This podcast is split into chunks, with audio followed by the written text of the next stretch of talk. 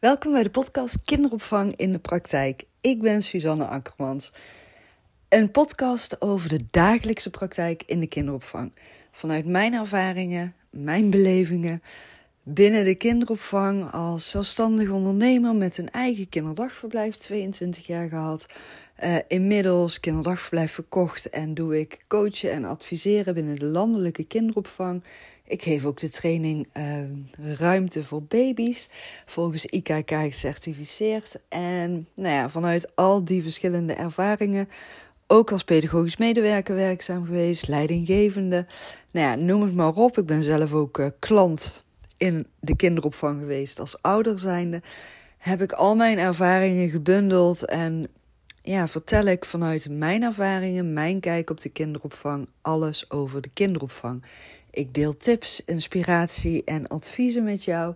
En vooral hoop ik je te inspireren om nog meer aandacht te besteden aan die dagelijkse praktijk. En daarmee bedoel ik, hoe kan je nou op de meest efficiënte wijze pedagogisch handelen ten aanzien van de kinderen in de groepen zodat het de kinderen in hun eigen ontwikkelingstempo en hun eigen ontwikkelingsfases ten goede komt vanuit rust en plezier. Daar gaan deze podcastafleveringen over. Ik wens je onwijs veel luisterplezier. Hey, leuk dat je weer luistert naar een nieuwe podcastaflevering van Kinderopvang in de Praktijk. Ik uh, zag van de week ergens een uh, vraag voorbij komen. Um, in een groep waar ik ook in zit voor de kinderopvang. En ik dacht, weet je, dit is ook wel een hele leuke vraag om in de podcast aandacht aan te gaan besteden. En het gaat over ouderparticipatie. En hoe je um, ouders dus meer betrokken kunt krijgen bij uh, themaactiviteiten die je doet. En sowieso ook meer contact en verbinding met ouders kan gaan krijgen. Um, ik ga even ook uh, die vragen bijpakken. Um, want uh, de vraag was ook van we hebben veel um, ouders uh, die anderstalig zijn. En we merken dat er weinig respons komt op de nieuwsbrieven die wij verzenden. Nou, ik vind dat zelf echt een hele leuke en belangrijke, ook superbelangrijk onderwerp en onderdeel van de kinderopvang uh, de verbinding maken met ouders, uh, de klanten dus. Het is super belangrijk om uh, die verbinding aan te gaan. Maar als je dus steeds het gevoel hebt van ja, weet je, we sturen iedere maand een nieuwsbrief rond en er komt nul respons op terug. En ja, nu ook met alle maatregelen, de overdrachten die bij de deur plaatsvinden. We kunnen bijna geen verbinding maken met ouders. En we sturen wel berichten via het ouderportaal, maar daar komen ook eigenlijk geen reacties op terug. Ja, hoe ga je daar dan mee om? Nou, ik heb daar uh, best wel wat ideeën voor en over. Uh, zeker omdat ik nogmaals het zo belangrijk vind om echt die verbinding te maken met ouders. Uh, en het eerste waar ik eigenlijk meteen aan dacht toen ik deze vraag zag was: oké, in welke taal verstuur je de nieuwsbrief? Want als je dus met anderstalige ouders Ehm, te maken hebt in het kinderdagverblijf, is natuurlijk super belangrijk dat ze de nieuwsbrief ook kunnen lezen. En ik kan me nog herinneren dat uh, toen ik uh, mijn eigen kinderdagverblijf had, had ik ook heel veel anderstalige ouders op het kinderdagverblijf. En ja, in het begin stond ik daar helemaal niet bij stil dat alle informatie die ik deed verzenden in het Nederlands was. Dus dat mensen die dus gewoon niet konden lezen en niet konden begrijpen. Nou, uiteindelijk uh, word je daar bewust van gemaakt, ook door je eigen klanten. Waar ik dan alleen maar kan waarderen, want dat is juist die waardevolle feedback die je dan ontvangt.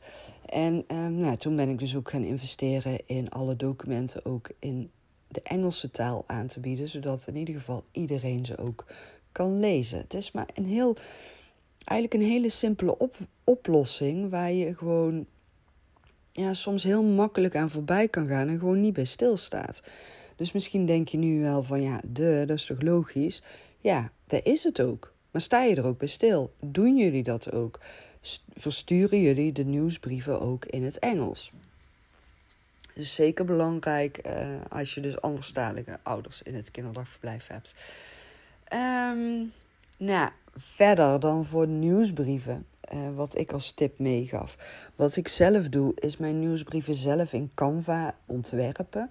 En Canva is een, uh, ja, een hele leuke, makkelijke tool waarmee je dus heel makkelijk op een leuke manier uh, nieuwsbrieven kunt gaan uh, ja, vormgeven. Je kan er heel makkelijk foto's in toevoegen, linkjes inzetten naar bijvoorbeeld je website um, of artikelen. Ja, je kan um, ja, gewoon eigenlijk alles kan je erin opmaken in de huisstijl van het kinderdagverblijf. En dat vind ik zelf gewoon super leuk ook om te doen, maar ook heel belangrijk om te doen. Want daarmee um, ja, is het ook minder saai om te lezen, vind ik. Als je gewoon een mailtje stuurt met um, ja, een Word-bestand, is natuurlijk heel anders lezen dan dat je een mailtje stuurt met een PDF-bestand, wat gewoon heel leuk is opgemaakt. Wat dus al veel meer aanspreekt. Daarbij vind ik het dan ook heel belangrijk om ook uh, foto's te delen van de kinderen. En natuurlijk heb je dan te maken met alle AVG-regels. Uh, uh, dus daar moet je natuurlijk wel echt op letten.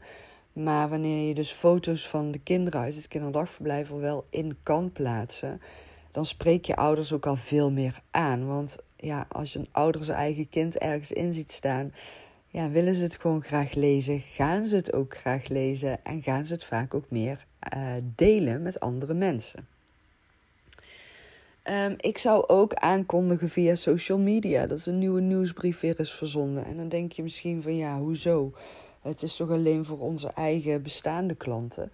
Dat klopt, maar social media kanaal is waar vaak potentiële werknemers um, op gaan kijken voordat ze gaan solliciteren.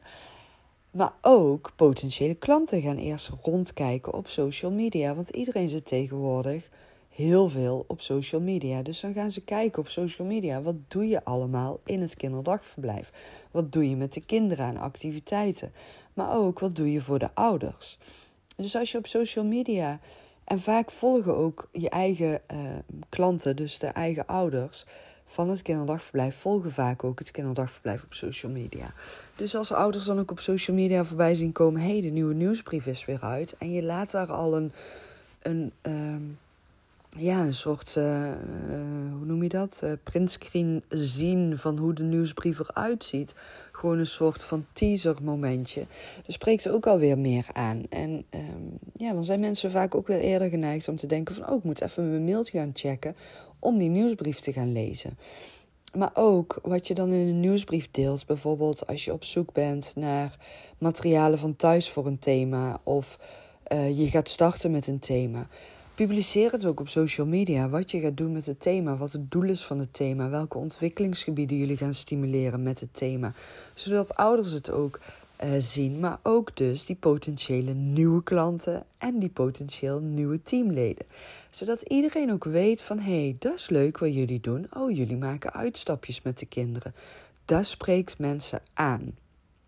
En daardoor kun je dus ook weer nieuwe klanten meteen gaan werven. Gewoon alleen maar door je nieuwsbrief heel erg onder de aandacht te gaan brengen. Plus de activiteiten die je doet tijdens een thema. Um, ik zou ook zeker, nou, dit, dit is misschien ook wel een tip waarbij je denkt van ja, ook super simpel, Suzanne. Maar ook weer even gewoon, weet je, sta er even bewust bij stil. Uh, misschien een reminder. Uh, misschien ben je er ook weer heel makkelijk aan voorbij gegaan. Maar gebruik altijd een vastere frequentie. Dus een vaste datum, een vaste week. Uh, een vaste dag waarop je de nieuwsbrief verzendt naar ouders. Zodat het ook um, ja, consistent is en mensen ook weten wanneer ze het kunnen gaan verwachten. Daardoor ga je ook merken dat mensen het meer en eerder gaan lezen en uh, eerder respons op gaan geven. Um, ik zou het zeker ook uh, bij de teamleden aan gaan geven dat zij bij ouders gaan uitspreken van hé, hey, vandaag is weer de nieuwe nieuwsbrief uh, verzonden naar iedereen. Hebben jullie hem al gezien in de mail? Of in het ouderportaal, of hè, maar net hoe, de manier waarop jullie hem verzenden. Uh, we besteden deze keer in een nieuwsbrief aandacht aan het thema. Um, nou ja, bijvoorbeeld uh, de start van een nieuwe thema. En we hebben ook wat leuke vragen gesteld. dus we zijn heel benieuwd ehm, ja, of jullie iets voor ons kunnen betekenen voor het thema. Ehm, weet je, we, zijn ook op zoek naar nieuwe materialen. Zorgen we in ieder geval voor dat de teamleden ook bewust bij de overdracht gaan uitspreken naar ouders toe dat de nieuwe nieuwsbrief is verzonden. Zodat die uh, betrokkenheid en die verbinding al ehm, op gang gebracht wordt tijdens de uitwisselingen. Um, nou ja, bij de, op, de overdracht bij de deur. Het is vooral heel erg belangrijk als je merkt dat ouders uh, weinig tijd willen nemen of kunnen nemen voor een overdracht bij de deur, om met het team te gaan investeren in de oudercontacten. Ik zou daar dan ook echt tijdens een teamoverleg echt bij stil gaan staan, maar ik zou daar ook vanuit de coaching op gaan inzetten. Eén op één coaching, uh, teamcoaching tijdens bijvoorbeeld teamoverlegmoment, een groepsoverlegmoment. Zet dan die coaching in om uh, gericht op oudercontacten. Dus ga dan ook echt actief coachen op welke manier kun jij verbinding maken met ouders, ook tijdens een overdracht bij de deur. Hoe kan jij met ouders in gesprek gaan en ervoor zorgen dat ouders dus wel die tijd willen gaan nemen voor de overdracht? Uh, en daarvoor is het heel erg belangrijk dat teamleden leren vragen stellen aan ouders. Dus dat de pedagogische medewerkers zichzelf ook gaan verdiepen in gezinnen. Uh, zeker ook bij buitenlandse gezinnen. Waar komen ze vandaan? Wat is hun cultuur? Wat zijn hun uh, gebruiken thuis? Um, hoe ervaren ze het nu om in Nederland te wonen? Hoe ervaren ze het om hun kindje naar de Nederlandse kinderopvang te brengen? Hoe ervaren ze de opvoeding thuis? Hoe ervaren ze hun kindje thuis? Uh, werken ze ook? Waar werken ze? Hoe vinden ze hun werk? Um, hebben ze al veel nieuwe contacten weten op te bouwen in Nederland? Hoe lang wonen ze al in Nederland? Uh, wat missen ze het meeste aan hun thuisland? Uh, woont de familie ook hier in Nederland? Of woont al hun familie nog steeds in hun thuisland? Hoe is dat voor hun? Weet je, daar vragen over gaan stellen is verbinding maken. Daarmee laat je zien aan de ouders: hey, ik vind het belangrijk om te weten wie jij bent. En als je zulke vragen gaat stellen, in plaats van naar de deur toe lopen en zeggen: alles is vandaag goed gegaan, geen bijzonderheden, dan stopt een uitwisseling al heel snel. Dus het is heel erg belangrijk om eh, niet alleen maar vragen te gaan stellen over kunnen jullie uh, bijvoorbeeld materialen meebrengen voor het thema, maar echt eerst gaan investeren in de mensen leren kennen, dus de ouders leren kennen van de kinderen. En als je daarin gaat investeren, zal je gaan merken dat je veel makkelijker en sneller verbinding kan gaan maken. En dan willen ouders uiteindelijk ook sneller en makkelijker spullen gaan meebrengen voor een thema. Dan gaan ze ook veel meer vragen terugstellen, omdat jij interesse bent gaan tonen in die ouders. Dus ik zou daar heel actief vanuit de coaching op in gaan zetten. Um, even kijken. En wat ik dan ook wel echt zou doen uh, tijdens bijvoorbeeld een uh, team- of groepsoverleg, wanneer je gaat investeren in die oudercontacten, is om de pedagogisch medewerkers als opdracht van tevoren mee te geven welke praktijksituatie met welke ouders vond jij het meest moeilijke. Dat ze dus ook voor zichzelf een moment bedenken die ze super, als super moeilijk hebben ervaren. En dat ze die dus ook kunnen inbrengen tijdens het overlegmoment, zodat je die ook met elkaar kan gaan bespreken. En samen kunt gaan analyseren van oké, maar wat is er hier nu precies gebeurd? En hoe kunnen we deze situatie nu gaan ombuigen naar een positief contactmoment met ouders? Dus echt actief gaan oefenen ook met elkaar.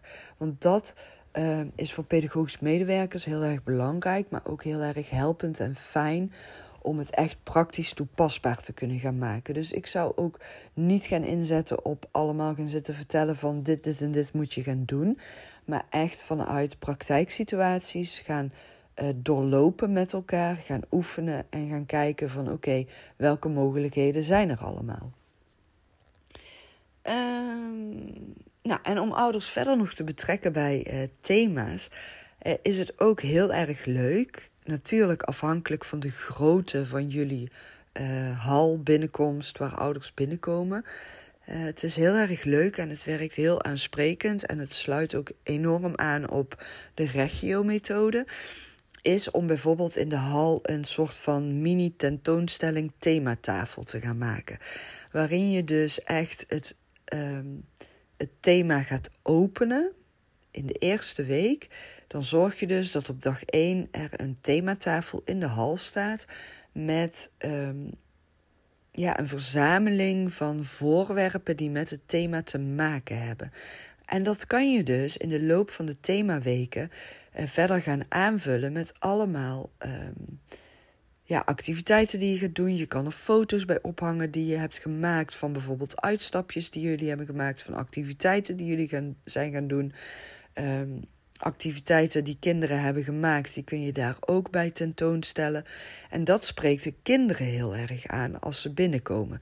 Kinderen lopen daar direct op af. Die gaan ontdekken en die gaan kijken, maar die gaan ook reageren van mama, mama, dit heb ik gemaakt. Waardoor dus ouders bewust gemaakt worden van het thema door de kinderen, door de thematafel. Dus dan ga je het vanuit een thematafel naar de kinderen toe benaderen. Uh, je gaat de kinderen er actief bij betrekken, waardoor je automatisch de ouders meer erbij gaat betrekken. En natuurlijk, ik weet ook, niet ieder kinderdagverblijf beschikt over een hele grote hal bij binnenkomst. Maar probeer dan eens te kijken van of je misschien een leuke muur kan aankleden uh, aan de hand van het thema. Uh, dus dat je bijvoorbeeld gewoon één muur afbeeldingen ophangt en misschien wat voorwerpen tegen die muur aanzetten. Probeer een beetje daarin creatief en out of the box te kijken en te denken. En uh, te onderzoeken van wat zijn de mogelijkheden die we hierin kunnen ondernemen. Um, nou ja, echt ook die uitstapjes delen zou ik sowieso heel erg uh, gaan, op gaan inzetten tijdens het themaweken. Dus uh, filmpjes van de uitstapjes ook met ouders gaan delen. Gewoon tussentijds via het ouderportaal. Of misschien doen jullie dat gewoon via WhatsApp. Of nou ja, weet je, er zijn heel veel mogelijkheden in. Maar deel filmpjes en foto's van de activiteiten uit het thema. En beschrijf dan ook wat, uh, welk ontwikkelingsdoel jullie hebben gestimuleerd. Welke. Uh, ontwikkelingen je hebt waargenomen bij het kindje van de ouders. En daardoor kom je ook al meer in contact en verbinding en kun je ook met de uitwisseling weer een terugkoppeling naar maken. Waardoor je dus meer inzet op die betrokkenheid. Um, nou ja, dat zijn eigenlijk wel uh, de tips die, uh, die ik nu zo heb over ouderbetrokkenheid. En um, ja, echt daarop inzetten. Maar ik vind het ook vooral heel mooi om daar vanuit de coaching op in te zetten. En super belangrijk ook. En ja, ik trek het dan ook weer door naar rondleidingen en intakegesprekken, maar ook evaluatiegesprekken, um, ontwikkelingsgesprekken met ouders. Misschien hebben jullie 10 minuten gesprekken ieder jaar met ouders over de ontwikkeling van een kindje. Um, het is super belangrijk dat je als pedagogisch medewerker vragen ligt stellen aan ouders. En vragen stellen aan ouders geeft jou als pedagogisch medewerker steeds meer inzichten over een kindje. Hoe het met een kindje thuis gaat. Waar ouders tegenaan lopen thuis. Uh, hoe ouders het ervaren om ouders te zijn ook. Want ook dat is voor ouders soms een hele nieuwe ervaring en beleving die ze soms super moeilijk vinden. En andere ouders vinden het weer super makkelijk en genieten met volle teugen. Uh, dus iedere ouder is daar ook heel erg verschillend in. Maar het is wel heel belangrijk dat je dat ook weet. En dat je ook echt weet van hoe gaat het nou eigenlijk thuis met dat kindje. En hoe meer vragen je gaat stellen aan ouders als pedagogisch medewerker, ook tijdens een intakegesprek, ook tijdens een rondleiding, hoe meer verbinding er ontstaat. Al voordat de opvang van start gaat. En hoe meer jij daarin hebt geïnvesteerd voordat de opvang van start gaat, hoe meer je dat zal kunnen doortrekken wanneer de opvang eenmaal van start is gegaan. En dat is super belangrijk, alles bij elkaar. Dus ja, mijn boodschap voor vandaag is echt investeer in het stellen van vragen aan ouders. En investeer in um, ja, de deskundigheid en de ervaringen van pedagogisch medewerkers in dat opzichten.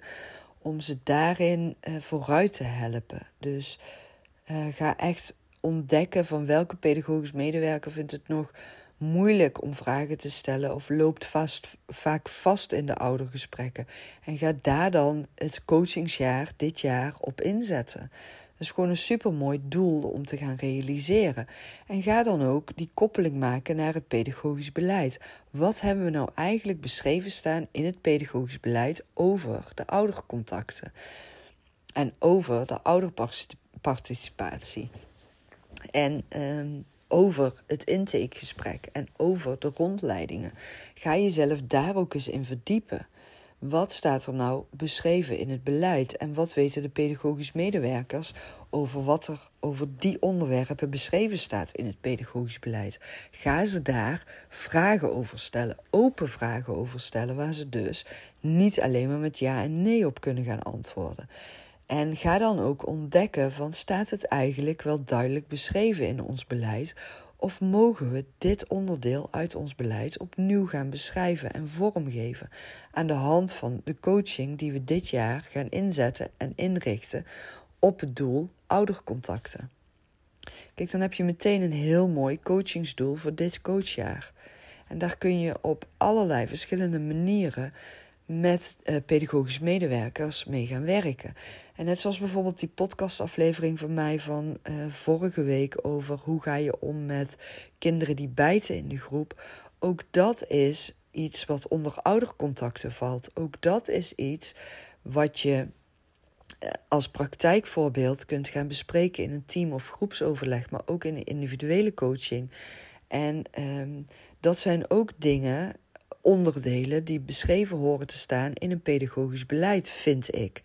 Want hoe meer je van zulke dingen hebt beschreven in een beleid, hoe minder vragen er kunnen gaan zijn. En als het goed beschreven staat, dan kun je daarop gaan toetsen en op gaan coachen. Zoals het beschreven staat, zo hoort het ook in de praktijk uitgevoerd te worden door de pedagogisch medewerkers. Maar dan is het wel belangrijk dat het ook op de juiste manier beschreven staat. En ja, zo maak ik dan altijd weer die verbinding van. Sorry, van beleid naar praktijk. Um, nou ja, dat is de boodschap van vandaag die ik mee wilde geven. Ik ben benieuwd naar uh, jullie reacties, jullie ervaringen. Deel het met mij. Uh, deel de podcastaflevering, zodat we alleen maar meer mensen kunnen bereiken. Maar vooral ook dat ik weet wie jij bent die naar mijn podcastaflevering luistert. Waardeer ik enorm. En als je mij een review zou willen geven, ben ik je ook onwijs dankbaar. Uh, dat kan via Apple Podcast en via Spotify. En ehm, nou heb jij specifieke vragen waarvan je denkt: van, ja, ik weet niet zo goed hoe ik hiermee om kan gaan? Stuur mij gerust een DM via mijn Insta-account Suzanne met een laagstreepje Ackermans en Suzanne is S-U-S. Of via mijn Insta-account Kinderopvang in de Praktijk. Dankjewel weer voor het luisteren en een hele fijne dag vandaag.